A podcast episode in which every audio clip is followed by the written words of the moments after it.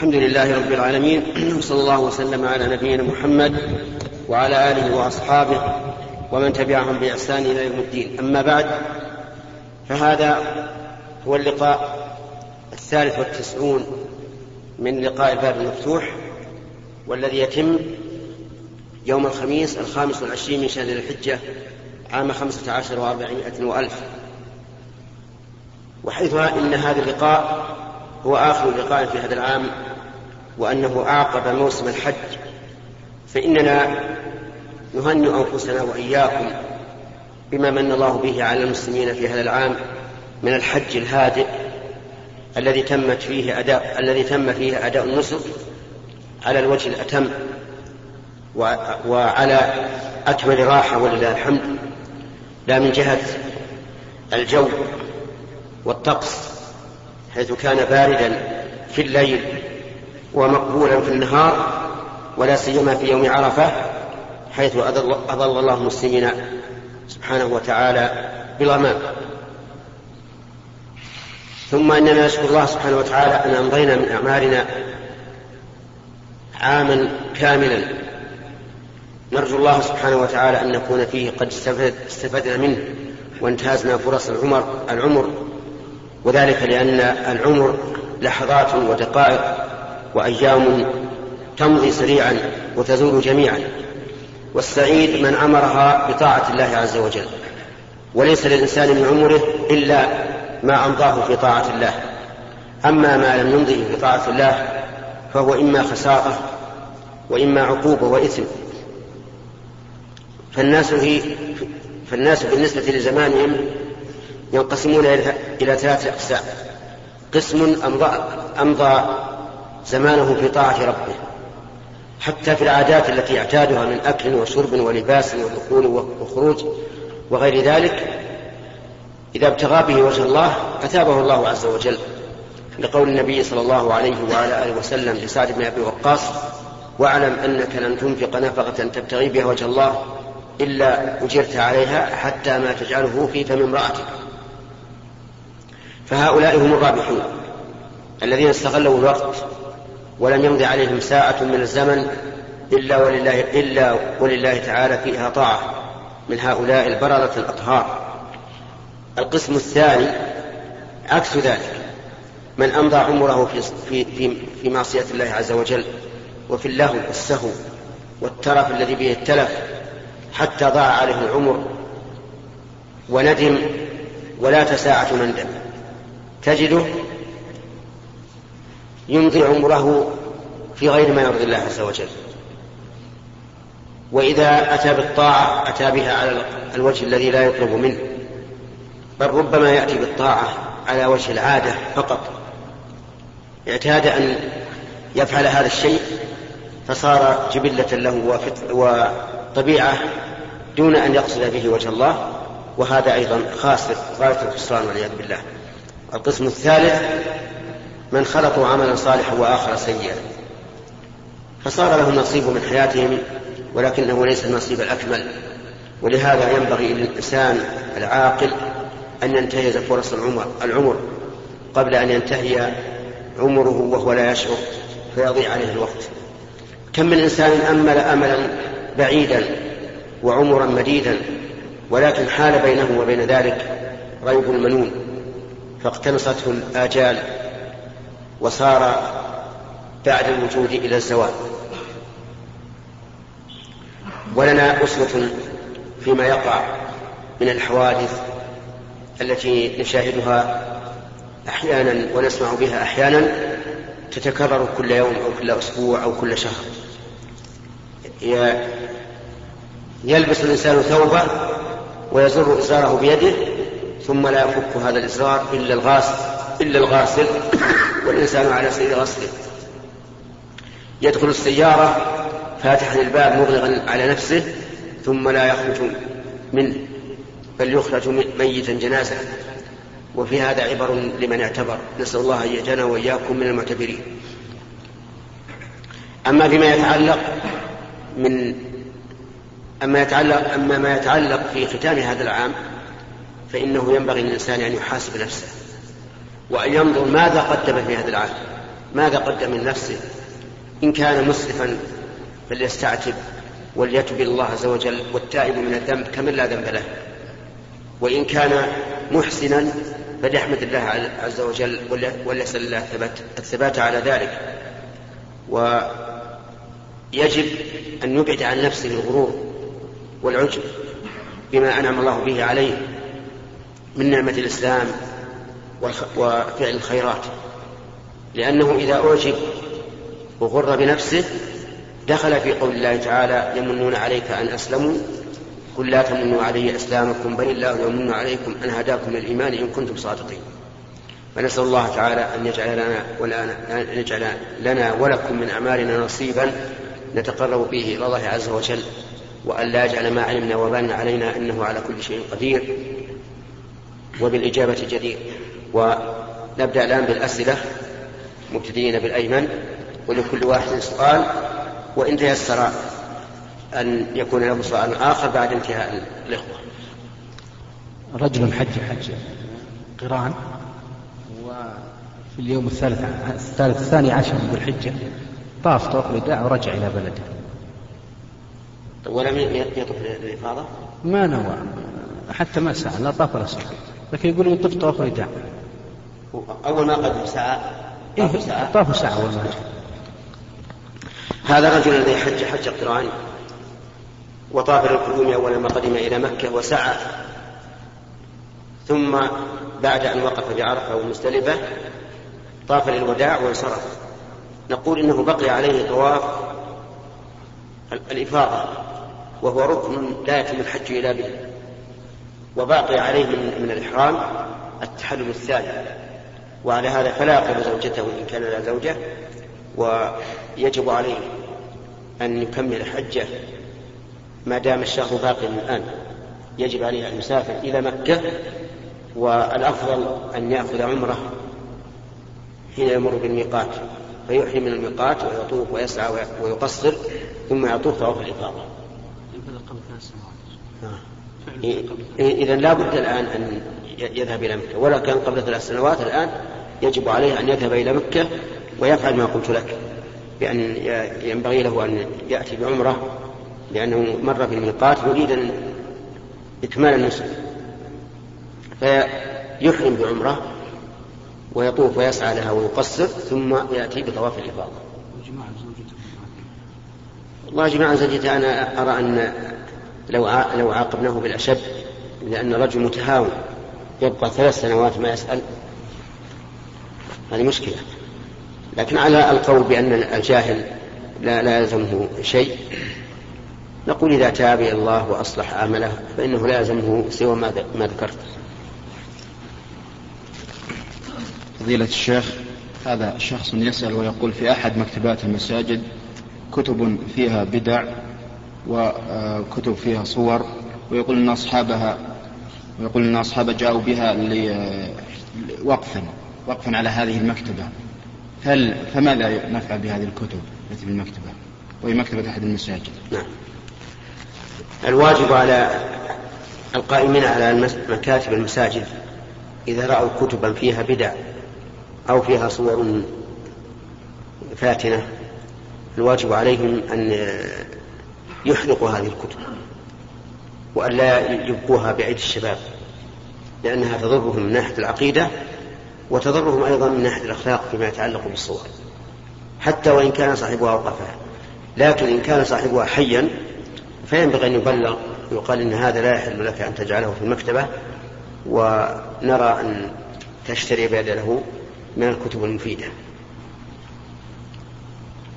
الله عنك. من وصل إلى الميقات في اليوم الثامن هل له أن يتمتع؟ وإذا كان له ذلك هل الأفضل التمتع أم القران؟ آه، إذا وصل إلى الميقات في اليوم الثامن يعني قبيل الظهر فلا أرى أن يأتي أن يأتي بعمرة. لأن الله يقول فمن تمتع بعمرة إلى الحج. فلا بد أن يكون هناك وقت يفصل بين العمرة وبين الحج. والإنسان إذا وصل إلى الميقات بعد أن دخل وقت الحج هو مأمور أن يخرج إلى منى وأن وأن يسعى يسعى في الحج ويكمل الحج. وبناء على ذلك أرى أن الأفضل لمن مر بالميقات في الوقت الذي يخرج الناس فيه إلى منى أرى أن يأتي بقران وأن لا يأتي بالتمتع لأن التمتع في الحقيقة فات وقته. إذا الله يقول فمن تمتع بالعمرة إلى الحج. وهذا يدل على أن هناك فاصلا ووقتا بين العمرة والحج. ونقول إذا كنت تريد أن يحصل لك حج وعمرة فاقرن والقران يحصل فيه حج وعمرة. لقول النبي صلى الله عليه وعلى آله وسلم لعائشة طوافك بالبيت وبالصفا والمروة يسعك لحجك وعمرتك. نعم. إذا دخل معروف أن الرسول عليه الصلاة والسلام وأصحابه خرجوا إلى منى في ضحى يوم الثامن نعم. فضيلة الشيخ ما رأيكم في تبادل التهنئة في بداية العام الهجري الجديد؟ آه، أرى أن بداية التهنئة في قدوم العام الجديد لا بأس بها ولكنها ليست مشروعة بمعنى أننا لا نقول للناس أنه يسن لكم أن يهنئ بعضكم بعضا لكن لو فعلوا لو فعلوا فلا بأس. وإنما ينبغي له أيضا إذا هنأه بالعام الجديد أن يسأل الله له أن يكون عام خير وبركة. فالإنسان يرد التهنئة ولا يبتدئ. هذا الذي نرى في هذه المسألة وهي من الأمور العادية وليس من الأمور التعبدية. بسم الله الرحمن الرحيم. فضيلة الشيخ رجل ملتحي يأخذ حج عن الناس ولا يصلي. ما يصلي أبدا؟ هل ما صحة الحج؟ نعم. آه، الرجل الذي لا يصلي أبدا لا في المسجد ولا في البيت هذا كافر مرتد. يجب أن يدعى إلى الصلاة فإن صلى وإلا قتل كافرا. لأنه مرتد. ولا يصح الحج. حتى لو حج لغيره فإنه لا يصح. لأنه كافر. وقد قال الله تعالى وما منعهم أن, تقبل منهم نفقاتهم إلا أنهم كفروا بالله وبرسوله ومع أن النفقات نفعها متعدد ومع ذلك لا تقبل منهم لكفره. وعلى من علم أن هذا الرجل كافر عليه أن يغرمه ما أعطاه من الأموال وأن يحج, يحج بدل هذه الحجة. إذا كانت فرضا وإن كانت تطوع فليس عليه شيء. يعني إن شاء أقام من يحج عنه وإن شاء حج بنفسه وإن شاء لم يحج. هنا. الفرق بين الغيبة والنميمة وهل هناك أحوال الإنسان يرخص له أن يغتاب؟ هناك إيش؟ الفرق بين الغيبة لا هل هناك؟ أحوال أحوال أحوال إيه؟ الإنسان ينبغي له أن يغتاب الناس. إيش؟ هل هناك أحوال يجوز للإنسان أن يغتاب الناس؟ نعم. الفرق بين الغيبة والنميمة أن الغيبة ذكرك أخاك بما يكره في غيبته بأن تسبه في دينه أو في خلقه أو في خلقته أو في عمله أو في أي شيء. فإذا ذكرته بما يكره في غيبته فهذه الغيبة. قالوا يا رسول الله أرأيت إن كان في أخي ما أقول؟ قال إن كان فيه ما تقول فقد اغتبته وإن لم يكن فيه ما تقول فقد بهته. يعني بهته مع الغيبة وأما النميمة فهي نقل كلام الناس بعضهم في بعض بقصد الإفساد. مثل أن يأتي على شخص ويقول إن فلانا يقول فيك كذا وكذا. سواء كان صادقا أو كاذبا. هذه هي النميمة. مأخوذة من نم الحديث إذا عزاه إلى غيره والنميمة أعظم من الغيبة فإنه ثبت عن النبي صلى الله عليه وعلى آله وسلم أنه مر بقبرين فقال إنهما لا يعذبان وما يعذبان في كبير أما أحدهما فكان لا يسبح بالقول وأما الآخر فكان يمشي بالنميمة. فهذا هو الفرق بينهما. أما هل تجوز الغيبة أو النميمة؟ فهذا ينظر إذا كان ذلك للمصلحة فلا بأس. أن تذكره بما يكره إذا كان لمصلحة مثل أن يأتي إليك رجل يستشيرك في شخص يريد أن يعامله أو يزوجه وأن تعلم أن فيه شيئا مذموما فلك أن تقول تذكر ذلك الشيء. فإن فاطمة بنت قيس رضي الله عنها أتت النبي صلى الله عليه وعلى آله وسلم تستشيره. حيث تقدم لها ثلاثة رجال. أبو جهم ومعاوية بن أبي سفيان وأسامة بن زيد. فجاءت تستشير النبي صلى الله عليه وعلى آله وسلم في ذلك. من تتزوج منهم؟ فقال أما أبو جهم فضراب للنساء. وأما معاوية فصعلوك لا مال له. انكحي أسامة. فهنا ترى أن النبي صلى الله عليه وسلم ذكر ذكر معاوية وأبا جهم بما يكرهون لكن لإرادة النصح فهذا لا بأس به. كذلك النميمة لو نممت إلى إنسان ما يقوله به شخص آخر ترى أن هذا الشخص صديق له واثق منه. ولكن هذا هذا الصديق الذي وثق منه ينقل كلامه إلى الناس. فتأتي إليه وتحذره تقول إن فلانا ينقل كلامك إلى الناس وأنه يقول فيك كذا وكذا فهذا أيضا لا بأس به.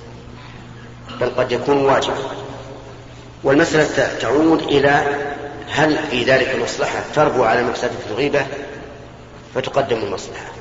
هل في ذلك مصلحة تربو على مفسدة النميمة فتقدم المصلحة؟ لأن الشرع كله حكمة يوازن بين المصالح والمفاسد. فأيهما غلب صار الحكم له. إن غلبت المفسدة صار الحكم لها. وإن غلبت المصلحة صار الحكم لها. وإن تساوى الأمران فقد قال العلماء رحمهم الله درء المفاسد أولى من جلب المصالح. شيخ الجماعة مات جماعة بعد رمي جمرة العقبة لم يؤدوا جميع الصلوات. حتى قدموا لم إيش؟ لم لم يؤدوا جميع الصلوات. جميع إيش؟ الصلوات. حتى قدموا إلى أهلهم. فعند قدومهم, آه، قدومهم جمعوا الصلوات كلها. يعني الأربعة أيام جمعوها مرة واحدة. ولماذا؟ والله بحجة أنهم متعبون وكذا. نعم. نعم. هؤلاء الذين ذكرت أنهم لما رموا جمرة العقبة تركوا الصلاة حتى رجعوا إلى أهليهم.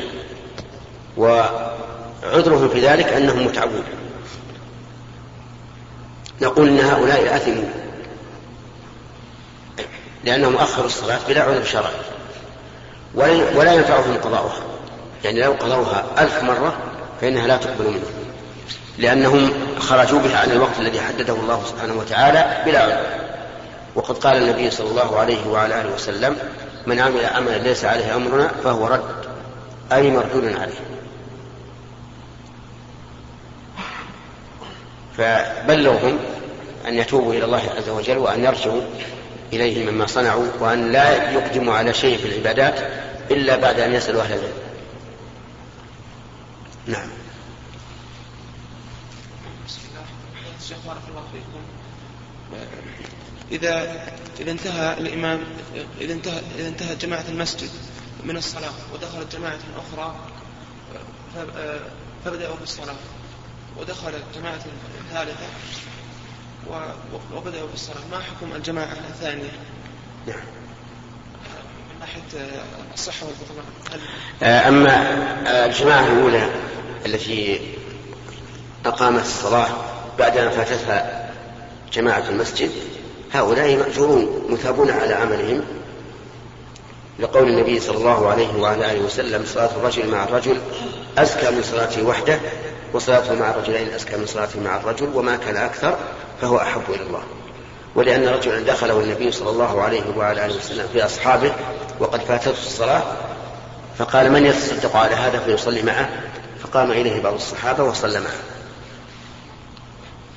أما الجماعة الثالثة التي جاءت والجماعة الثانية تصلي فصلوا وحدهم فهؤلاء مفارقون لجماعة المسلمين وأرى أن يعيدوا صلاتهم احتياطا لأنهم فارقوا الجماعة. اللهم إلا أن يكون هناك لهم عذر مثل أن يقول هؤلاء يصلون صلاة العشاء ونحن نريد أن نصلي صلاة المغرب فهذه قد يكون لهم شبهة ووجهة نظر لكن مع ذلك نرى أن يدخلوا مع مع الجماعة الثانية ولو كانوا يصلون العشاء وهؤلاء يصلون صلاة المغرب لأن اختلاف نية الإمام والمأموم لا تضر لا يضر على القول الراجح.